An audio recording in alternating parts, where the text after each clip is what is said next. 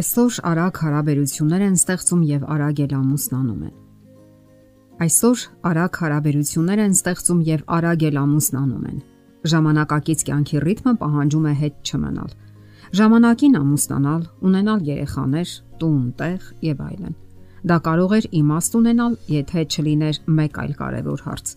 Իսկ երիտասարդները հասցնում են այդ կարճ ժամանակի ընթացքում ճանաչել միմյանց։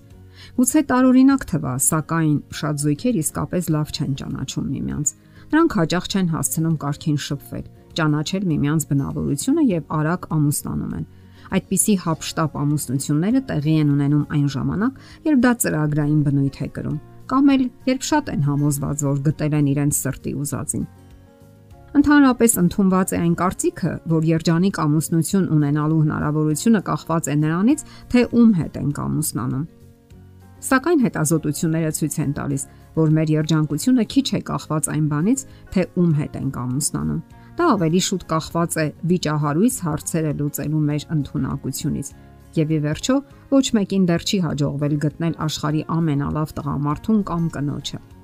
որովհետև բոլորն էլ ունեն իրենց մարդկային ուժեղ ու թույլ կողմերը։ Հանրահայտ ճշմարտություն է, որ կոնֆլիկտները անխուսափելի են կյանքում։ Մեկ ուրիշ մարդու հետ տարաձայնություն ունենալը կարծիքների տարբերությունները կամ էլ անհամապատասխանությունը միշտ չէ որ վատ բան է նշանակում։ Չէ որ պետք է կարողանալ առողջ բարձաբանումներ եւ քննարկումներ անել։ Իսկ հա դրանից հետո խաղաղություն է տիրում, որովհետև դրանց ճիշտ ընթացքի դեպքում կողմերը համաձայնության են գալիս։ Դրանց ճիշտ ընթացքի դեպքում կողմերը գիտակցում են իրենց սխալները, համառությունը, սխալ կարծիքները եւ ճշնամական տրամադրությունը։ Եվ առողջ մտածման դեպքում է որ բացահայտվում է ճշմարտությունը։ Խելամիտ հասուն հարաբերությունների դեպքում կողմերը սովորաբար նստում են կլոր սեղանի շուրջ պատրաստական հոգով, այլ ոչ թե դիմացինին հաղթելու տրամադրվածության հոգով, ճնշելու, իսկ երբեմն էլ նվաստացնելու ցանկությամբ։ Ցավոք կյանքում շատ են հանդիպում դեպքեր, երբ կողմերից մեկը փորձում է նվաստացնել դիմացինին ինքնահաստատվելու համար։ Դա կարող է շարունակվել նաև հետագա ամուսնական կյանքում եւ նման դեպքերում ընտանիքը պարզապես կվերածվի մարտադաշտի, երբ փորձեն ղեկավարել, դասյարակել կամ ուղղորդել դիմացինի վարքագիծը։ Նկատենք, որ այդպիսի մարտերը ոչ մի օգուտ չեն տալիս, պարզապես լարվածություն է առաջանում, իսկ վերջում էլ կողմերը միայն ամայություն եւ ընկճվածություն են զգում։ Հազվադեպ չեն այն դեպքերը, երբ տղամարդիկ նույնիսկ ֆիզիկական բռնության են դիմում Սա տեղի ունենում այն դեպքում, երբ ապացուցելու, համոզելու, տրամաբանական մոտեցում ցուցաբերելու փաստարկներ չեն ունենում։ Շատ քննարկումներ էլ պարզապես վեճերի են վերածվում։ Այդ պայքարի մեջ են ներգրավում մարդու բանականությունը, զգացմունքները, մարմինը, ողջ էությունը։ Եվ բնականաբար խոսել բնականon հարաբերությունների մասին ուղակի անիմաստ է։ Տարբեր բնավորություններ Այն, ինչի վրա սայթակում են երիտասարդները, իրականում հենց կազմում է ամուսնության բուն հիմքը։ Իսկ ինչպես կարող են տղամարդն ու կինը նույն ձևով մտածել։ Օրինակ, որ կինը կցանկանա, որ տղամարդը մտածի կնոջ նման, եւ ընդհակառակը, որ տղամարդը կցանկանա, որ կինը մտածի տղամարդու նման, եւ ոչ միայն մտածի, նաեւ գործի։ Սերերը աչքի են ընկնում եւ տարբերվում հենց բնավորության յուրահատկություններով Դրանք են կազմում ամուսնության հիմքը։ Եվ փոխանակի ասթափվելու այդ տարբերությունների մեջ հարկավոր է որոնել դրականը։